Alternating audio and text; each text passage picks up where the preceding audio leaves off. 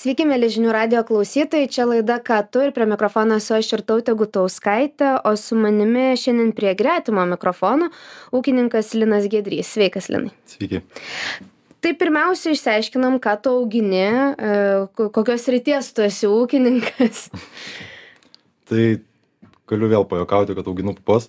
ta, ta pagrindinė kultūra, kuri tapo interneto, nežinau, pažyba o toliau tai javai rapsai kaip sakiau žirniai miežiai kviečiai pupos grikiai taip pat Mhm. Tai čia yra pagrindinės iš esmės jo e, pagrindinės kultūros. kultūros bet turbūt iš tų pagrindinių dar pagrindinės tai kviečiai miežiai ir ir rapsai būtų Mhm.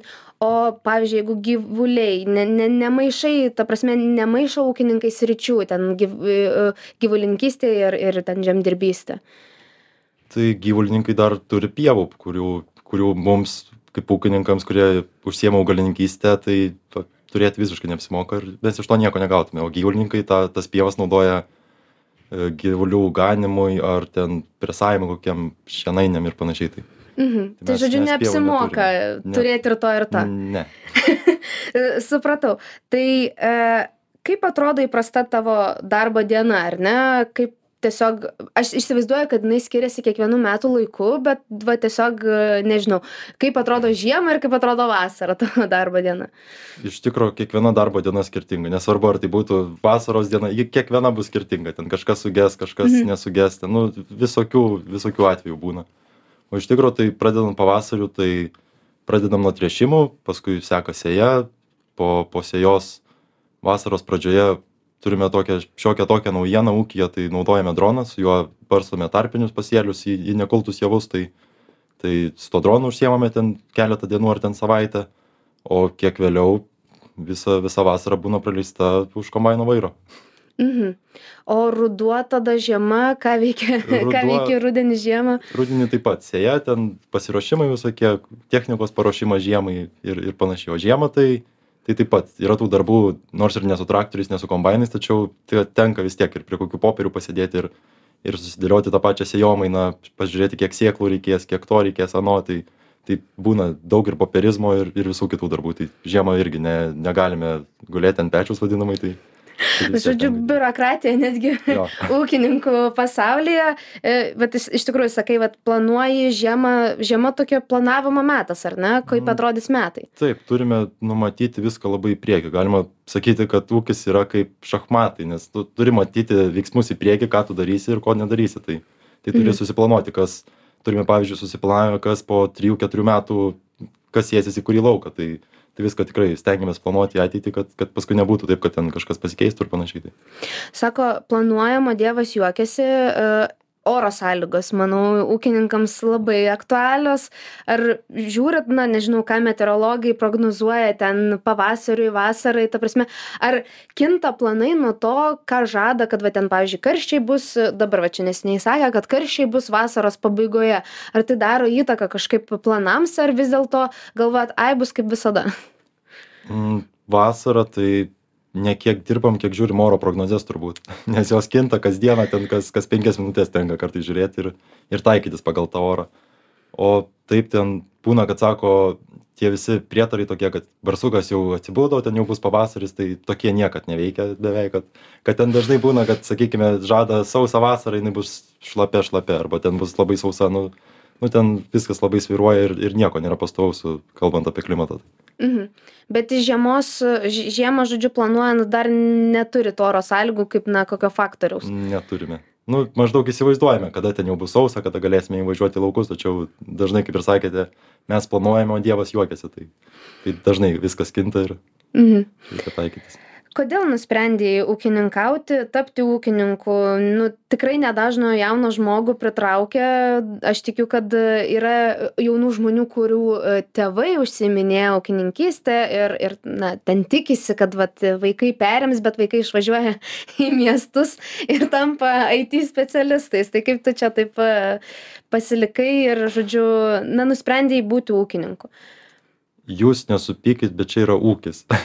nu, miesto žmonės nesupras, apie ką kalbu, bet, bet ūkininkai turėtų suprasti. Tai iš tikrųjų čia buvo mano sprendimas, nežinau, nuo kokių dešimties metų, kada tėtis jau pradėjo ūkininkauti, supratau, kad aš irgi būsiu ūkininkas, nes nuo pat pat vaikystės aš atsimenu save kaip kaimo vaiką kuris žiūrėdavo į pravažiuojančius traktorius ir į laukuose dirbančius traktorius tai tai tas sprendimas kad būsiu ūkininku ir kažkada juo tapsiu tai tai buvo tikrai nuo labai senai o o tas pasirinkimas kodėl ne koks aitišnikas kaip sakėt ar ar dar kažkas tai tai turbūt dėl to nes būtų gaila palikti tėčio ūkį tokį kuris yra sukurtas. Aišku per trumpą laiką tas ūkis nėra dar labai išvystytas išplėtotas tačiau per per tokį laiką aš tikrai didžiuojuosi tėčiu kad jis kas kad jis tiek padarė ir tiek pasiekė tai.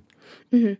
dar man prieš laidą minėjai kad e, studijuoji kaune e, ir kupiškyje kaip suprantu tavo ūkis. Mm, taip ką studijuoji kaune kokių dar na žinių semiesi? Studijuoju agronomiją antrame kurse ir žinių pasisemiu tikrai nes sakykime daug žinių yra iš patirties nors tos patirties nėra jau daug bet nu vis tiek iš kitų patirties iš savo patirties iš iš knygų visokių iš portalų iš žurnalų nu kaip tik įmanoma stengiuosi viską plėsti ir universitetas prie to prisideda. Vis tiek padeda sužinoti kažką naujo kažką pagilinti pa pa panaujinti tas žinias ir ir tikrai randu daug naujų dalykų kuriuos kuriuos pritaikau tape tame pačiame ūkyje tai mhm. daug jaunų žmonių tą patį studijuoja mm, pakankamai ir pakankamai iš jų yra ūkininkai Mhm. Tai žodžiu, nesi vienas visoje Lietuvoje, mm. jaunas ūkininkas. Ne, yra daug ūkininkų. Ir yra daug draugų ūkininkų, su kuriais irgi labai, labai gera šnekėti, kad jie irgi išmano, pasidalina savo patirtimi, aš pasidalinu savo ir visi, visi randame bendros kalbos ir, ir kažką parsivežam ir iš savo ūkius. Mhm, bet tai yra iš tavo krašto ar kažkur kitoj Lietuvos, kitam po, Lietuvos gal, po gale? Visą Lietuvą. Mhm, tai žodžiu, turime dar tų jaunų ūkininkų, nė, nėra čia ko dar mhm. baimintis. E, su kokiamis problemomis tu kaip ūkininkas susiduri, ar ne, nu mes kalbėjom apie oro sąlygas, aišku, bet e, na kas dar apsunkina, nežinau, kasdienybę ar va tą planavimą, tiesiog e, didžiausi sunkumai. Mm, tai kaip ir minėjote, klimatas, o toliau nežinau darbų sezonu tai turbūt būtų gedimai visokie nes mm. dažniausiai susiplanuoji viską ką tu veiksi per visą dieną ten minutė minutei į minutė į minutę tačiau viskas pasikeičia labai greitai nes nu ar kažkas sugesta ar kažkas atsitinka dar ten nu yra labai daug veiksnių kur faktorių kurie kurie viską pakeičia ir ir negali tiek daug planuotis. Tai tai turbūt technika būtų dar vienas iš tų kliūčių kuri kuris viską gadintų. Mhm. E, technika kalbant apie ją ar jinai yra brangi šiuo metu ar įperkama ūkininkams ar nežinau reikia pasitelkti senus metodus kai vat sugenda kas nors? Technika iš tikrųjų yra brangi tačiau lyginti techniką ir sakyti kad ūkininkai gerai gyvena pasižiūrėjus vien į jų techniką yra visiška nesąmonė manyčiau nes kaip ir minėjau technika padeda užauginti pigesnę produkciją tvaresnę produkciją ir ūkininkui tai leidžia atlikti greičiau tvariau patogiau ir ir išmaniau. Ir ir tikrai nereikia lyginti technikos kainos su su tuo kad ūkininkas gerai gyvena nes galime paimti pavyzdį įsivaizduokime kad e, valstybinės įmonės tokios kaip valstybinė mokesčių inspekcija sodra imkime regitra kokia dirbtų su senais kompiuteriais ir visos sistemos tiesiog lūžtų. Nu taip pat būtų ir ūkyje kada mes ūkininkautume su sena rusiška technika ir ir nu to to rezultato tokio nebūtų ką mes pasiekėme dabar aš kaip suprantu referuoji į tai kad kai buvo protestas ūkininkų čia visai neseniai ir suvažiavo e, ūkininkai su traktoriais į vilnių ir vilniečiams miestiečiams e, atrodo o vat kokie gražūs traktoriai ar ne tikrai ne tokie kaip ten vaikystėj mačiau kaime kažkada vieną kartą ar ne ir tada jau visi atėjo ir sakė kad oi tai ūkininkai čia turtingi ane tu e, kalbi apie tai. Mm, taip nes buvo tų žmonių kurie sako kad traktoriai yra labai prabangos prekė ten taip toliau nu visiškas nesąmones kalbėjo tačiau buvo ir tokių žmonių kurie sako pažiūrėkit kokius traktorius turi lietuvos ūkininkai čia mes turime didžiuotis kad mes pagaliau tapome vakarų valstybe ir pagaliau pagaliau nebesame lyginami su tais kolūkiais kurie buvo ten prieš prieš keliasdešim metų ir ir pagaliau galime ūkininkauti kaip vakarų valstybės ir ir auginti tokius pat derlius ir ir tokius pat rezultatus pasiekti. Mes dar prie protesto grįšim bet pavyzdžiui man įdomu dar ir kita technika nes tikrai nėra vien tiktai traktoriai kurie yra svarbūs ūkyje kokia dar yra naudojama technika. Minėjai dronus. Čia yra naujovė ar ne? Ar visi ūkiai turi tuos dronus? Mm, manau vienas iš šimto turi lietuvoje kol kas dronus. Mhm. mes vieni pirmųjų jį įsigijome ir tikrai esame patenkinti nes pakeič pakeičia vieną žmogų sakykime tas dronas ir mes su tėčiu sugebame trijų šimtų hektarų ūkyje dirbti dviese nes nu tas dronas vieną darbą iš pačio piko kada būna pats darbų įkarštis atkelia tą darbą į į vasaros pradžią ir galime tai atlikti ramiai niekur neskubant ir panašiai. Jo va paminėjai kad pakeičia žmogų. Iš tikrųjų kiek šiuolaikiniam ūkyje dar reikia e, žmonių jėgos vat nes ten vat ir palengvina ir ir traktorius ir palengvina dronas ir palengvina kita technika tą darbą ar ne ūkininkui bet vis tiek žmonių reikia kaip suprantu. Mm, žmonių labai reikia tačiau mes su tėčiu žiūrime į ateitį kad tų žmonių dirbančių ūkyje nebebus ir mes nebeturėsime samdomo darbuotojo dabar irgi neturime tačiau ateityje samdomus darbuotojus bus be galo sunku rasti Mhm. nes dažniausiai jaunimas iš kaimų išvyksta į miestus ir ir jie mato perspektyvą miestuose.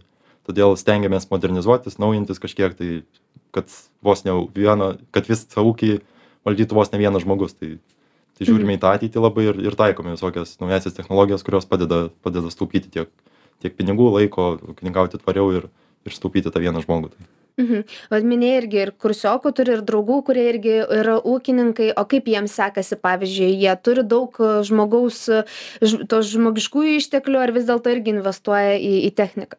įvairiai. Yra įvairių draugų kurie turi įvairius ūkius. Tai sakykime yra ten kurie turi šiek tiek daugiau žemės šiek tiek mažiau. Tai tai tas investavimas šiek tiek investuoja. Sakykime turbūt daugelis ūkių investuoja į automatinius vairavimus tačiau į dronus kol kas nedrįsta labai daug ūkių investuoti nes tai neatrodo kad labai gera technologija kuri pasiteisintų tačiau realybė viską praktika rodo visiškai kitaip Mhm. Kiek laiko dabar, ar čia buvo pi- pirm, pirmim kokie metai, ar pirmi dviejai metai, kai tą droną išbandėt, ar, ar jau ilgiau? Mm, mes su juo dirbame nuo 2020 ar 2021, nebe, Mm. nebeatsimenu. Tai jau du ar trys sezonai buvo. Tai. Tai žodžiu, jau ga- galit pasakyti, kad jau. veikia. Mhm.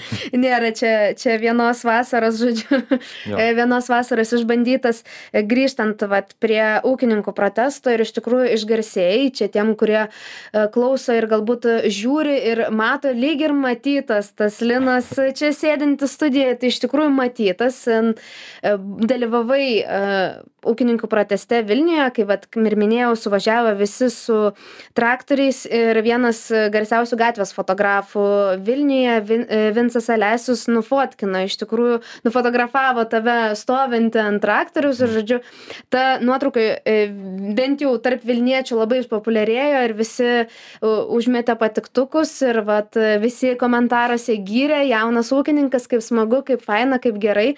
Um, Kodėl prisijungiai prie protesto, kas tave paskatino kartu vykti su tikrai daug, daug, daug ūkininkų ir, e, nežinau, prisijungti prie, prie jų minčių? Mm, turbūt ministras pakvietė. Galima taip juokauti. Turėjome plakatą padarę, kad ūkininkų kvieslys į Vilnių ir ministro nuotrauka. Tai, tai turbūt ministras buvo tas pagrindinis kvieslys, kuris pakvietė tikrai į Vilnių. Ir, ir daugelis sako, kad čia tėvai paprašė, kad aš ūkininkaučiau, kad galėtų paimti jaunojo ūkininko paramą, ten kitas paramas. Mhm. Bet iš tikrųjų realybė kiek kitokia. Aš, aš pats važiavau dėl savęs, nes pats labai susiduriu su tomis problemomis, tais iškeltais šešiais punktais, aišku, ne su visais, bet su, su dalimi. Ir buvau pats motivuotas važiuoti čia ir, ir atstovėti už save ir už kitus ūkininkus. Mhm. E, Kaip sekėsi Vilniuje, tai truko vis tiek e, protestas ne vieną dieną, kai kurie, na, ten pradžioj savaitės atvyko, e, pabuvo ūkininkai, kaip vertini vat Vilnių, ką, ką išgirdai iš miestiečių, nežinau, e, ką nuotaikos kokios buvo, ką teko, nežinau, į, į nuveikti Vilniuje, kol, kol buvai. Ne visą laiką gi stovėjai su plakatu ar ten ant traktoriaus, bet kažką ir pamatėjai, sužinojai. Tai beveik visą laiką pralakščiau po visą Gedimino prospektą, pra, prakalbėjau su pažįstamais visokiais įvairiais ir praklausiau, ką, ką kalba ant scenos užlipę žmonės, taip, taip pat ir ministras, ką kalba. Tai, tai realiai tas laikas labai greitai visas prabėgo, net, net dabar gyvenu nostalgijose ir norėčiau grįžti. Mhm. Ai, tai gal net ir ateityje planuotum dalyvauti irgi protestuose. Mm, ateinančiame proteste, apie kurį kol kas dar labai nedaug kalbama, Mhm. dalyvausiu. Tikrai dalyvausiu, tačiau kol kas labai daug su tuo komentuoti negaliu, nes dar neaiš, neaišku, kas ten bus. Galbūt ministerija pagaliau susivoks, susigraibys ir pakeis viską, ko mes prašėme, tačiau kol kas tuo tikėti nėra realu.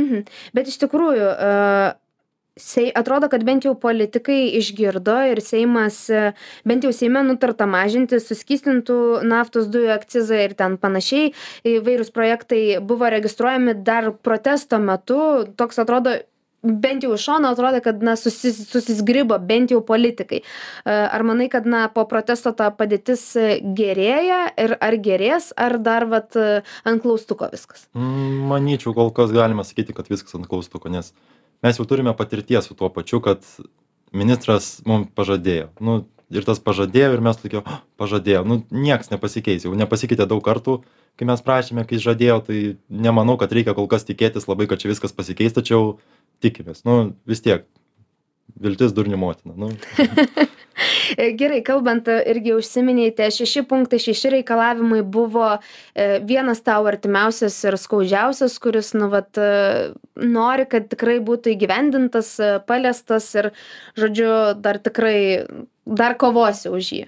Mm, kol kas tas reikalavimas pakeistas, tačiau nėra dar patvirtinimo ir, ir garantuoto sprendimo, tačiau pagrindinis būtų pievos. Nes aš kaip jaunasis ūkininkas pradėjau ūkininkauti prieš vienerius metus nu vienų metų stažą vos tik turiu tai tai turėjau rinktis tas žemes kad kurios nebuvo anksčiau dirbtos. Tai kad nes vis tiek labai didelė konkurencija tarp mūsų ūkininkų tačiau nenoriu aš atiminėti iš kitų ūkininkų ir panašiai tai tenka imti tas tokias pamiškes vadinamas kurios nėra tokios derlingos ten sakykime pievos anksčiau būdavo ir panašiai. Ir didelį plotą tų pievų aš išariau ir buvo buvo pasirašymas deklaruojant žemę kad aš tas pievas turėsiu atkurti kada jas reikės tačiau aš negalvojau kad kad ministerija to nesutvarkys ir dabar aš iš dvidešim penkių hektarų turiu atstatyti bene penkiolika hektarų ne Mhm. nebeatsimenu tiksliai tačiau nu man čia yra kritiniai skaičiai kurie nu visiškai nuleidžia rankas ir nu nežinau ką ką daugiau daryti jeigu nevažiuoti į protestus Mhm. Tai iš tikrųjų palėtė, palėtė asmeniškai, kaip sakoma, ir, ir visai suprantamos tos priežastis. Kaip manai, i- išgirdo visuomenė, ką norėjo pasakyti ūkininkai, nes politikai yra viena, bet jeigu visuomenė stoja į, į protestuojančių pusę, tai tada atrodo, kad, na, didesnė jėga, ar ne? Iš tikrųjų daug daug visuomenės perstojo į ūkininkų pusę kai jie pamatė traktorius mieste ir pamatė kas mes esame per žmonės ūkininkai. Mhm. kad vis dėlto nesame tie kaimiečiai kaip sakiau smirnantys tvartų prasigėrę kažkokie pijokai o iš tikrųjų esame draugiški išsilavinę žmonės. Tai tų perstojančių tikrai yra tačiau yra ir tų tų pačių negatyvių žmonių kurie visiškai nepalaiko ūkininkų ir atrodo kad jie toks vaizdas kad jie niekad nevalgo. Nu kaip buvo labai geras po posakis jūs pažiūrėkite į lėkštę kas joje yra ir ir jau suprasite koks svarbus yra ūkininkas tai tai visiem žmonėm linkėčiau kad jie pažiūrėtų į tą lėkštę ir suprastų ką ką ūkininkas daro Mhm. Um, sakei, vat, pasakojai, kad e, kai vaikščiai po Gedimino prospektą protesto metu ir panašiai kalbėjai su visais, e, ar buvo pozityvių tų minčių, ta prasme, ar ūkininkai buvo atvažiavę į Vilnių į sostinę su pozityviam mintim, kad gali kažkas pasikeisti, ar labiau iš nevilties ir su tokiu, ai čia nieko, nieks nieko nepadarys, bet atvažiavom, nes nu, reikia palaikyti Mm. savus. manau daugiausiai žmonių važiavusių ūkininkų buvo tie kurie padarysim ir tai įvyks. O tie kurie sakė ai čia nieko nepadarysim čia niekas neįvyks tai jie liko sėdėti namuose. Tai nu niekas niekas neįvyks kol tu sė sėdi namuose. Todėl atvažiavę į vilnių stovėję gedimino prospekte prie seimo goštauto gatvėje žmon ūkininkai tikrai buvo nusiteikę kad kažkas įvyks kažkas pasikeis tai tai labai labai visi tikėjosi to tačiau dabar yra tokių įvairių nuomonių nusivylimų tačiau tačiau tikimės kaip ir sakiau viltis durnių motina Aha, jo, bet užsimeni taip miglotai, nes dar negali, sakė, atskleisti, kad gali dar būti ir kitų e, protestų. Tai čia su visom profesijom, ar ne? Čia kai- kaip kas bus, kaip ką padarys, e, bet e, žvelgiant į ateitį, manai, kad apskritai ūkininko situacija gali gerėti? Ta prasme, ar Lietuvoje ūkininkas gali jaustis ramiai, kad jis gali toliau dirbti, o ne e, pereiti, nežinau, į, į, į kažkokias kitas ri- teks bėgti sritis ir, ir, žodžiu, neišgyventi iš savo ūkio. manau variantą b turi ne vienas ūkininkas galvoja ką ką jis veiktų pardavęs visą ūkį tačiau mano manymu užtektų kokių trijų penkių kęstučių kurie sugadintų tą visą ūkį ir ūkyje liktų tie to tie didžiuliai ūkiai kurie dirba virš nežinau ten kokių penkių tūkstančių hektarų ir ir viršų tai tai manau labai lengva sugadinti tą visą ūkį kad liktų didelės ūkio bendrovės dideli ūkiai kurie kurie valdytų visą lietuvą ir ir tada nuo jų priklausytų labai maisto kainos ir ir visi kiti reikalai. Mhm. planas b. Koks tavo planas b? Mm, nežinau. Yra verslo idėjų daugybė tačiau reikia drąsos ir ir laiko.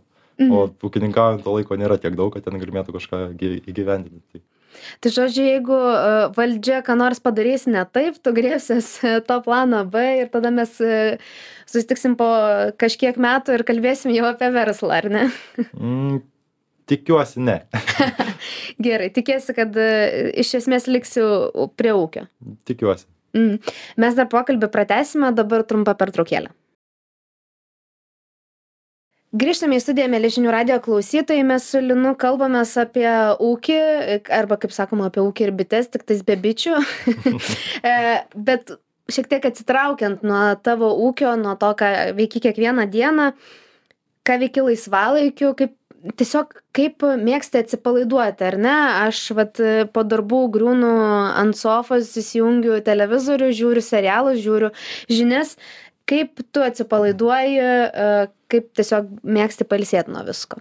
Mm, sezono metu tas pailsėjimas būna pusvalandis prie telefono pagulėti, atsigulus į mm. lovą, nes būna tokių dienų, kad grįžti, nežinau, antrą, trečią nakties, nu, nieko jau nebesinori, nebevažiuosi į medžioti, nes mano vienas iš pomėgių yra medžioklė. Ir tiesiog atsiguli, paguli dar prie to telefono, pasižiūri, nes visą dieną nebuvau jo pasiemęs, tai pasižiūri, kas parašė, kas neparašė ir, ir nueini miegot. O o kitomis dienomis ten pavasarį kokį kada būna laisviau šiek tiek tai būna įvairiai kartais su tėčiu susikeičiame jis išvažiuoja medžioti aš išvažiuoju medžioti vienas dirba kitas medžioja pramogauja tai tai va Mhm. taip o o kiti laisvalaikiai tai draugai mokslai bet čia čia jau kita kalba tačiau tačiau įvairiai būna visko būna ir ir vienas namuose pabūni ir ir su draugais ir nu visaip kaip. Visaip kaip. E, užsiminė apie medžioklę ir kad, vat, ir kad ir su tėčiu kartais pasikeisdami turit vykti, e, ką medžiojat, kas, vat, nežinau, e, kas aktualiausia šiuo metu, ar ten, e, kai, kai medžiojate, kokiu, kokiu žodžiu gyvūnėlių tenka pamedžioti. Mm, įvairiai, priklausomai nuo sezono, sakykime, dabar šernai, bebrai, daugiau, daugiau kaip ir nieko labai negalima. Tai tai vat dabar tai to tie pagrindiniai du gyvūnai o o kitom kitais sezono laikais tai įvairiai elniai stirnos briedžiai kartais Mhm. Ką su tais, e, žodžiu, gyvūnėliais darot? Ar čia, nežinau, tik tai pramoga, vat laisvalaikis, ar čia ir pasidarot, nežinau, na, žinau, kad ir, ir, ir mėsos yra tikrai ir šelnė, ir stirnos, e, žodžiu, visai neblogos. Tai ką ką veikiat su tais na sumedžiotais gyvūnais mm, įvairiai sakykime dalį dalį išdaliname giminėms nes būna jau per daug tos kartais mėsos o o kitą dalį patys arba arba kažką tai. Bet patys ir ruošiat ta prasme Jo. tą mėsą ne? Kartais vežame kad kad pagamintų ją.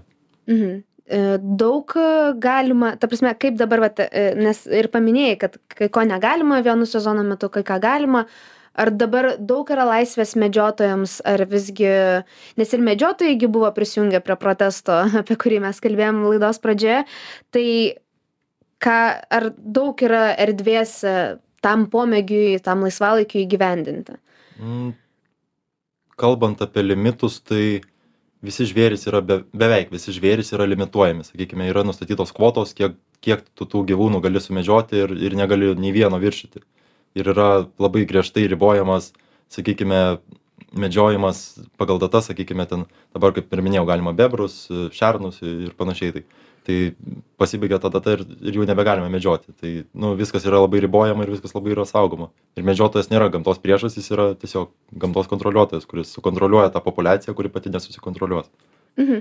E, Aš dar norėčiau, mes kažkiek kalbėjom apie va, tą planą B, kurio ten neišduodi, nes čia da, dar verslo kokia nors paslaptis, bet kalbant apie tavo kaip ūkininko ateitį, ar ne, nes tu ir minėjai, kad nori likti prie to plano A, prie ūkininkavimo, prie savo ūkio, e, kaip vat įsivaizduoja ateitį, jeigu viskas gerai, sąlygos palankios, e, klimat, klimatas irgi palankus e, Lietuvoje, kaip įsivaizduoja tą vat, e, savo kaip ūkininko ateitį, kažkokiu patobulinimų, daugiau technikos, o gal kaip tik daugiau žmonių, nu žodžiu, e, koks, kokia vizija yra. Mm, vizija robotai. A.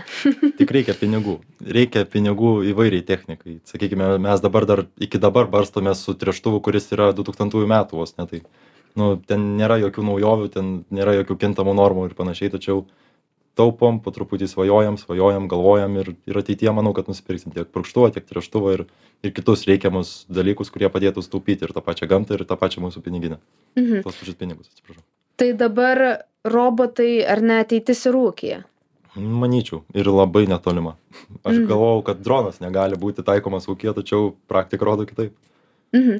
Ko, kokių dar vat, te, technologijų reikėtų, nežinau, ūkiui, kad jisai būtų, vat, kaip sakai, tvaresnis ir, ir tuo pačiu pigesnis ta, pačiam ūkininkui, ar ne? manau viena iš pagrindinių kuri daug labai dalykų pakeičia ir nulemia tai yra neariminė žemdirbystė. Tačiau ją reikia sugebėti taikyti ir mokėti taikyti. Ten yra labai daug niuansų kurie vienam ūkiui gali tikti kur kitam negali tikti. Tai reikia labai į tai atsižvelgti ir labai daug apie tai išmanyti kad kad galėtum taikyti tą technologiją ir ir viskas būtų gerai O kas čia yra, jeigu galėtum paaiškinti? sakykime taip paprastai sakant tai dabartinis ūkininkas modernus ūkininkas nebenaudoja plūgų jis sugeba Mhm. sėti tiesiai į- į nukultą lauką žemės nedirbant tai tai padeda išsaugoti tikrai daug dalykų ir ir kaip ir minėjau tą tą gamtą labai saugoti ir ir tausoti tai Mhm. Gerai, tai man atrodo, e, mes, kaip ir sakai, netolimoje ateityje pamatysim tą e, ateities ūkį su robotais ir su tikrai visais palengvinimais ir su, kaip ir minėjai, e, tvaresnį ūkį, e, pigesnį ūkį pačiam ūkininkui ir apskritai e, dar matysim lietuviško maisto pagaminto mūsų, kaip minėjai, lėkštėse.